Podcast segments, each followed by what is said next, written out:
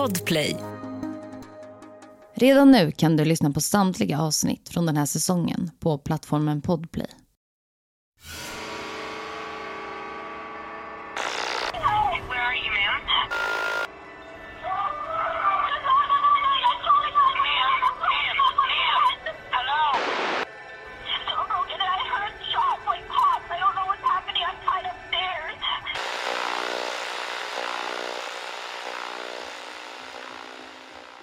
November 2010. Kanada. Klockan är runt 10 på kvällen. 28-åringen Jennifer sitter i sitt rum och tittar på TV. Men plötsligt hör hon ett ovanligt ljud från nedervåningen. Tre män har stormat familjens hus. Alla har de vapen i sina händer. Och snart har flera pistolskott avlossats. Allt hade sett ut som ett rån. Men i skymundan dolde sig en historia. En historia som skulle chocka en hel värld. Du lyssnar på Jakten på mördaren med mig, Saga Springhorn. Jag vill varna för grovt innehåll i dagens avsnitt. Jag vill också varna för att den här historien innehåller information om självskadebeteende och självmord. Vi spolar tillbaka bandet flera år i tiden. Han växte upp i Vietnam men flydde år 1979 till Kanada. Han träffade senare Bick som skulle komma att bli hans fru. Både han och Bick var politiska flyktingar som nu ville bygga upp sina liv i Kanada. De gifte sig och fick sedan två barn. Deras dotter Jennifer föddes år 1986 och tre år senare kom sonen Felix till världen. Han och Bick arbetade hårt för sina drömmar. De ville så gärna köpa ett hus och levde därför inledningsvis snålt för att spara ihop pengar. De arbetade båda på en bildelsverkstad. Han var anställd som verktygs och dörrtillverkare. Bick tillverkade bildelar. Och så kom den där dagen. 2004. Paret köpte ett stort hus.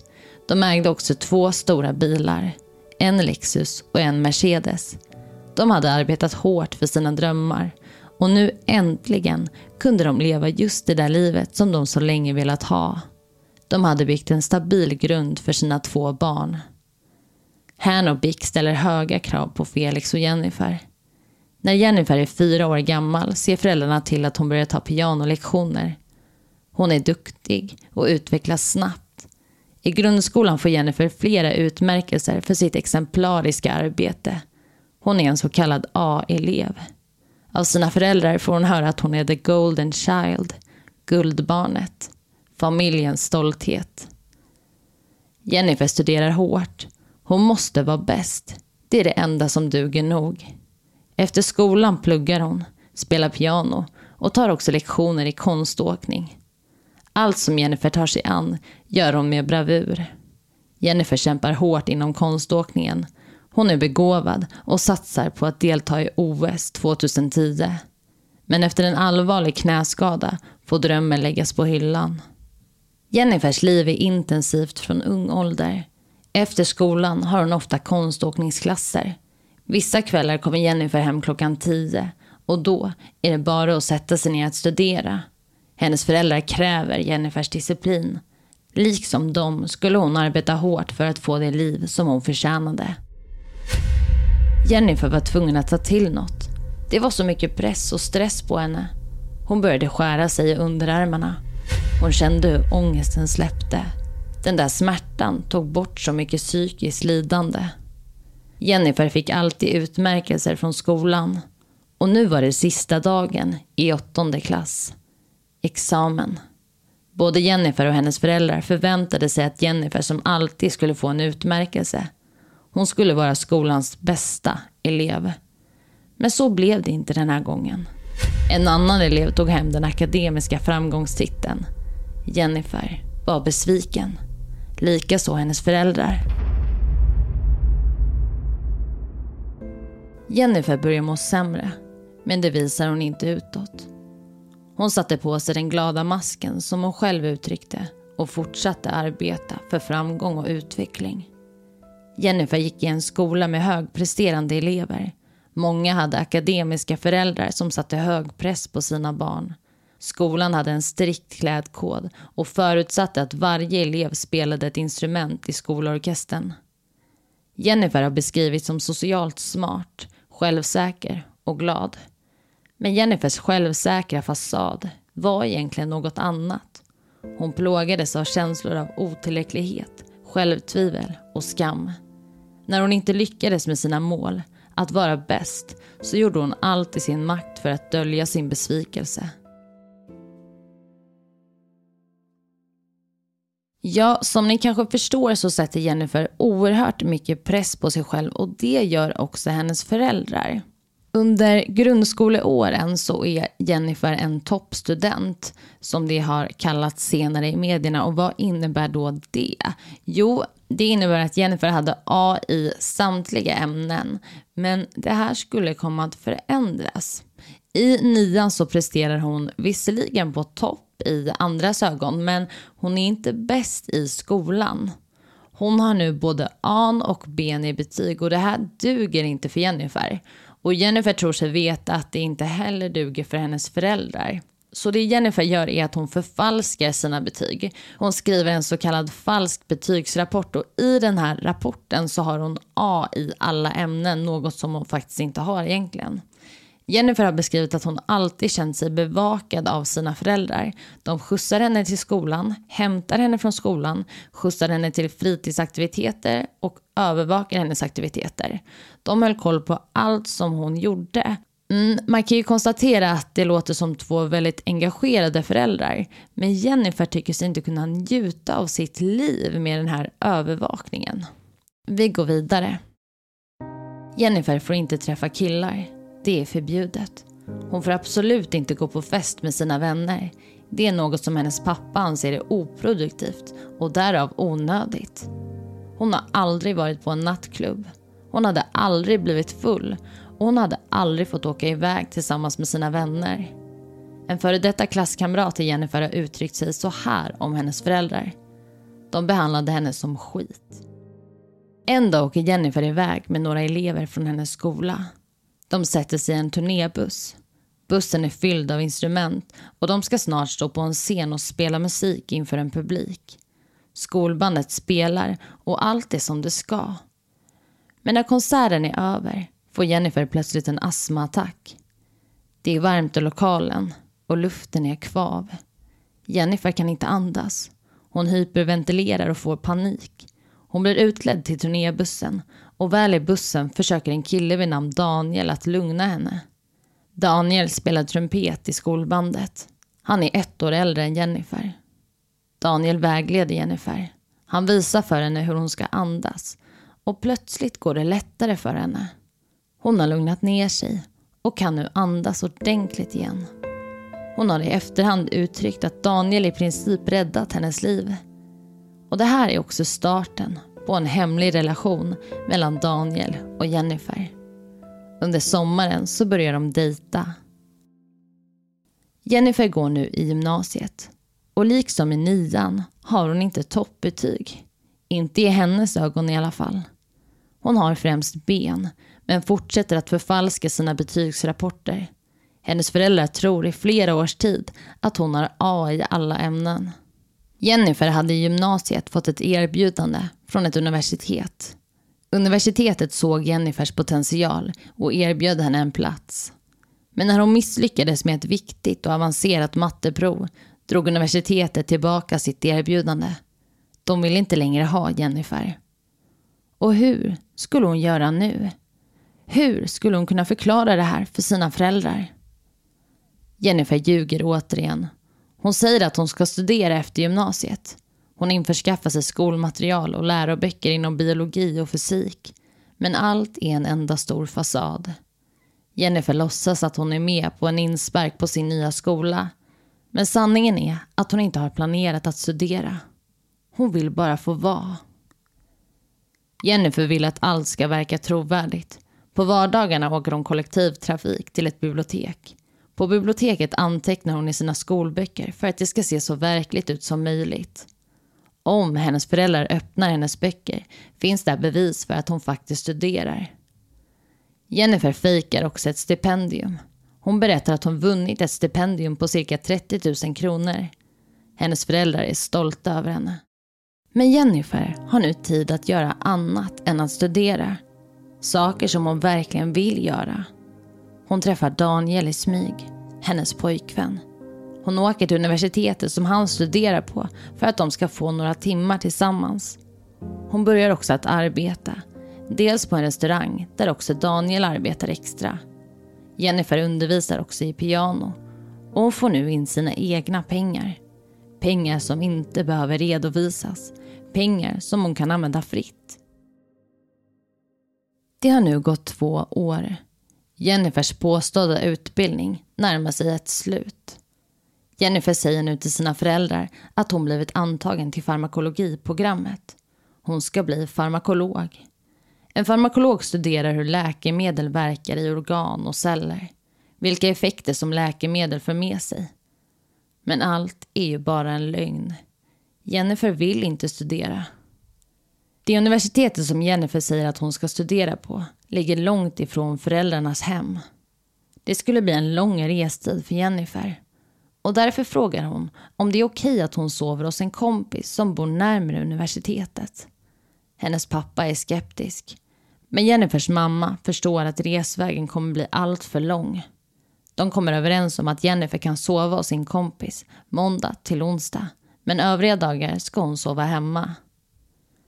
Men den där vännen är i själva verket pojkvännen Daniel. Jennifer bodde med Daniel och hans familj måndag till onsdag varje vecka. Daniels föräldrar vill försäkra sig om att Jennifers föräldrar tycker att det är okej att Jennifer sover över hos dem. De vill gärna träffa hennes föräldrar. Men Jennifer, som är socialt smart, lyckas avleda samtalen. Hon försäkrar dem om att hennes föräldrar är med på noterna. Ytterligare två år går. Jennifer ska nu vara farmatolog. Det är i alla fall vad hennes föräldrar tror. Daniel och Jennifer betalar en person som de hittar online. Personen skapar ett trovärdigt examensbevis till Jennifer. Hon har A i alla kurser. Toppbetyg. Men avslutningsceremonin då? Föräldrarna vill gärna vara med och fira Jennifer. Men Jennifer berättar att lokalen inte rymmer så många personer. Därför får hon endast bjuda med en person. Och hon vill ju inte vara tvungen att splittra på sina föräldrar. Så istället bjuder hon in en kompis till den påstådda ceremonin.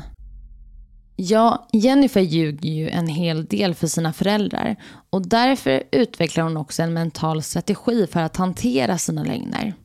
Hon har sagt, jag försökte titta på mig själv i tredje person och jag gillade inte den jag såg men rationaliseringarna i mitt huvud sa att jag måste fortsätta. Annars skulle jag förlora allt som någonsin betytt något för mig. Mm. Hon skulle ju med andra ord förlora sin pojkvän Daniel. För trots att hon var en vuxen kvinna nu så kunde hon faktiskt inte bestämma helt fritt vem hon var tillsammans med. Men de här lögnerna skulle snart slå tillbaka. För en dag så frågar hen, alltså Jennifers pappa, hur framtidsplanerna ser ut för henne. Och Jennifer säger då att hon har fått ett volontäruppdrag på ett provtagningslaboratorium vid ett sjukhus. Och Jennifer säger också att arbetet ibland kräver att hon är på plats på fredagar och helger. Men Jennifers pappa börjar nu inse att något faktiskt inte stämmer. Varför hade inte Jennifer ett passerkort eller en uniform till arbetet? Allt var skumt. Och så en dag så bestämmer sig föräldrarna för att skjutsa Jennifer till arbetet. De vill se om det verkligen stämmer att hon arbetar på sjukhuset. Så de tänker följa med. Mm. En lite knivig situation för Jennifer som nu sitter i bilen med sina föräldrar och funderar på vad hon ska göra. Hon har ju faktiskt inget arbete på sjukhuset så att hon funderar febrilt. Och när bilen stannar utanför sjukhuset så uppdagas allt.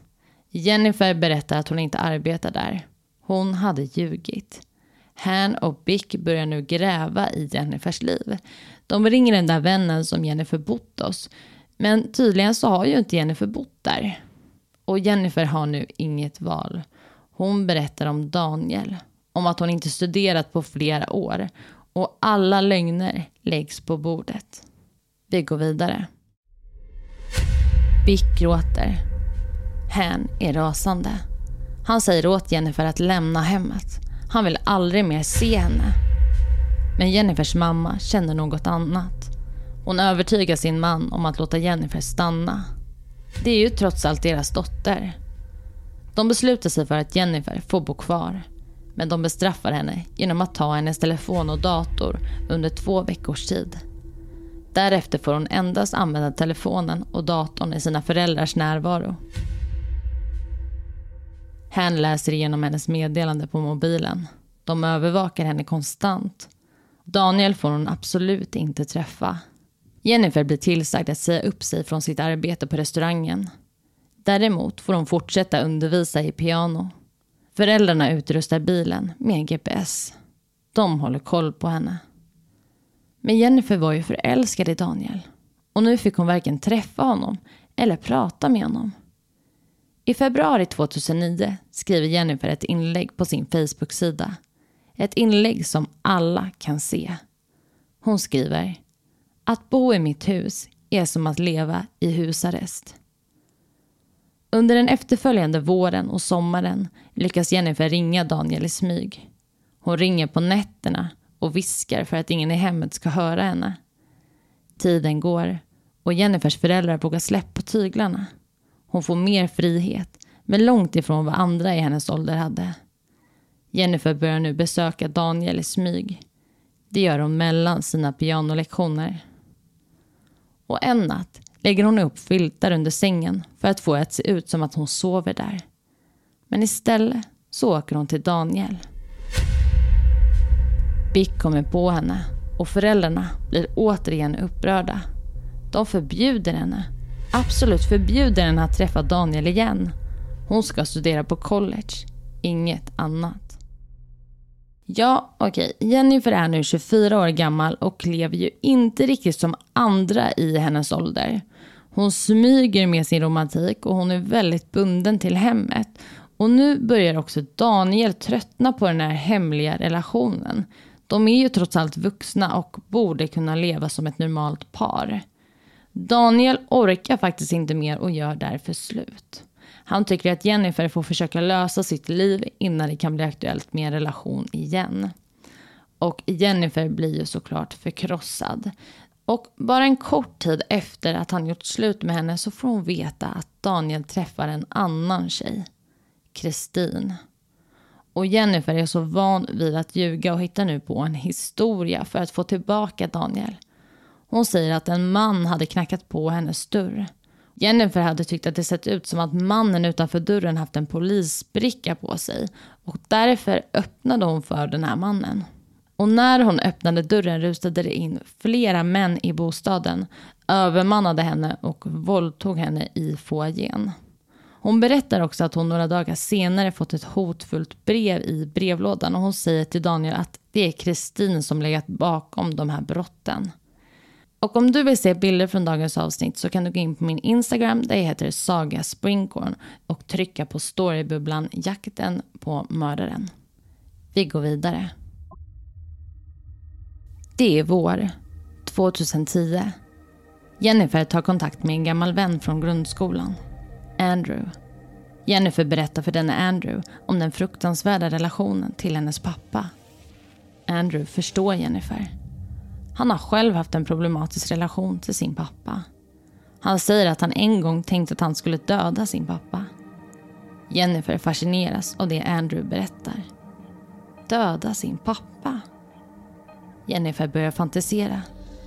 Tänk om hon kunde leva ett liv utan sin pappa. Ett liv utan någon som konstant kontrollerade henne. Andrew presenterar Jennifer för sin rumskamrat Ricardo. Tiden går. Jennifer vill nu bli av med sin pappa. Hon har funderat klart.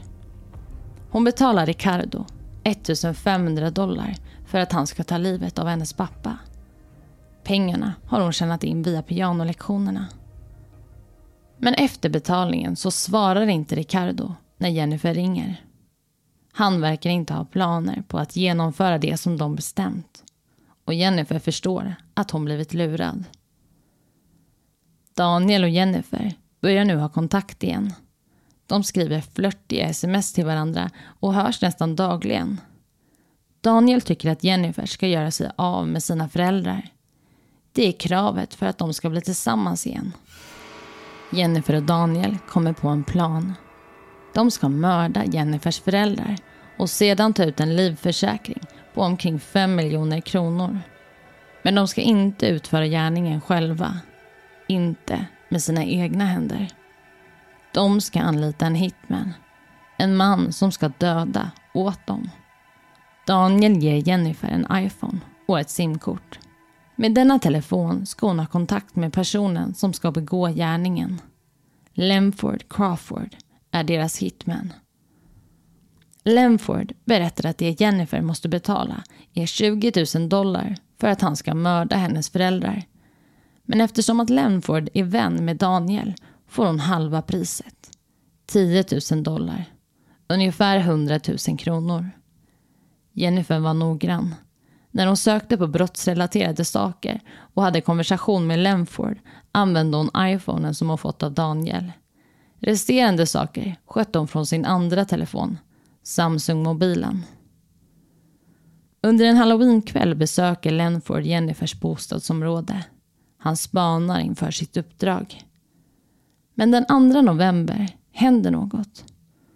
Daniel kontaktar Jennifer och säger att han har starka känslor för Kristin. Och Kristin har ju starka känslor för honom också. Deras sms löd så här. Jennifer skriver. Så du känner för henne vad jag känner för dig och avbokar sedan med Hitman. Daniel. Jag trodde att du ville ha det här för dig själv. Jennifer. Ja, men jag har ingenstans att ta vägen. Daniel. Avboka med Hitman? Frågetecken. Jennifer. Jag vill göra det här för mig själv. Nästa dag fortsätter konversationen mellan Daniel och Jennifer. Under den här dagen börjar Daniel och Jennifer återigen skriva flörtiga sms till varandra. Det är som att tiden spolats tillbaka. Nu är det som det var innan Daniel berättade om sin kärlek för Kristin. Senare den dagen skriver Lemford, Hitman, till Jennifer. Jag behöver tid för färdigställande. Tänk efter. Jennifer skriver tillbaka. Idag är det inte en bra dag. Middagsplaner så kommer inte hem i tid. Under veckan som går flödar textmeddelanden och samtal mellan Jennifer, Daniel och Lemford.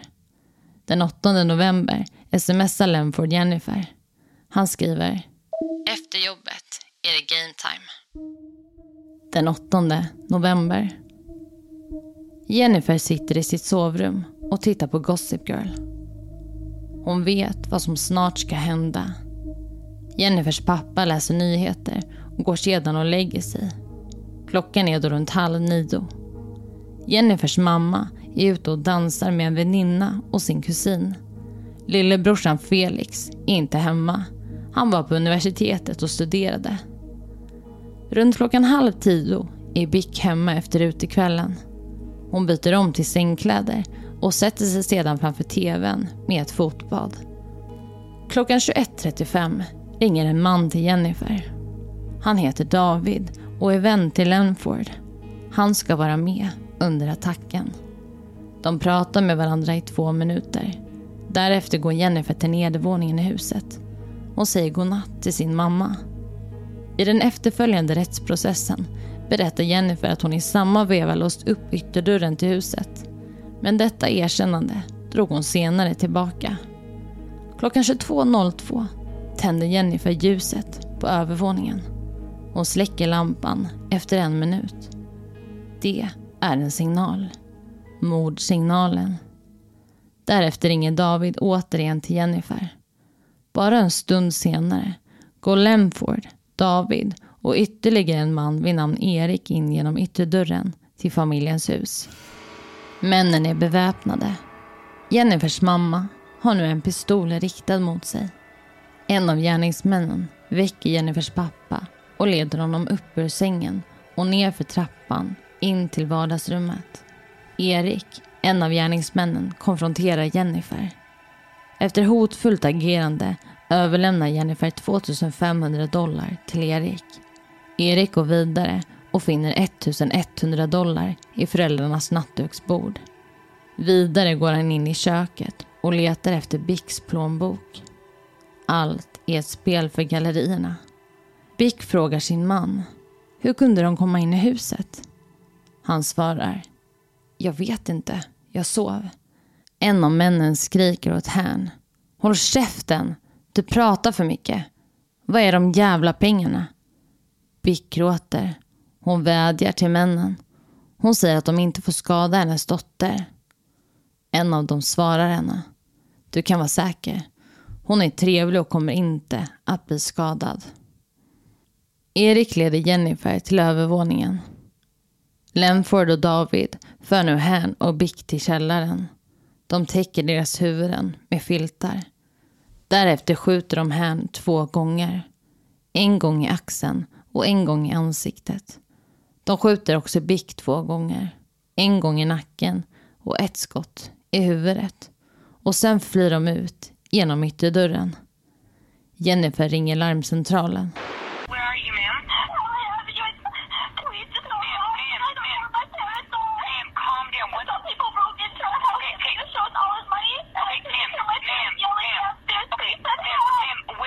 Jennifer skriker och gråter. Hon säger att hon behöver hjälp. De måste skynda sig. Men mitt i samtalet hörs också något annat.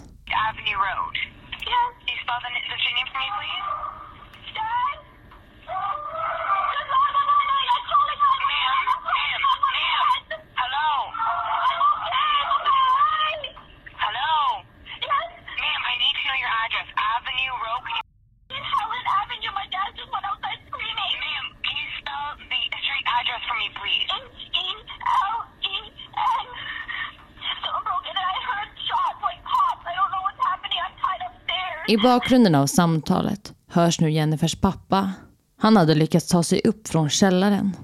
Han springer ut på gatan och ropar på hjälp. Jennifer skriker till sin pappa. Hon berättar att hon ringt till larmcentralen. En granne som är på väg till arbetet ser Han och blir chockad. Han är täckt av blod. Grannen ringer liksom Jennifer till larmcentralen. Inom några minuter infinner sig polis och ambulans vid bostaden. Han förs till ett närliggande sjukhus och blir nedsövd. Han läggs i en konstgjord koma för att kroppen ska kunna återhämta sig. Jennifer förhörs under natten.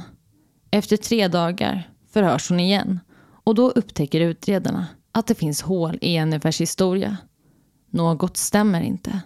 Vi hör delar från det första förhöret. Suddenly, I just heard my mom calling for my dad to come down.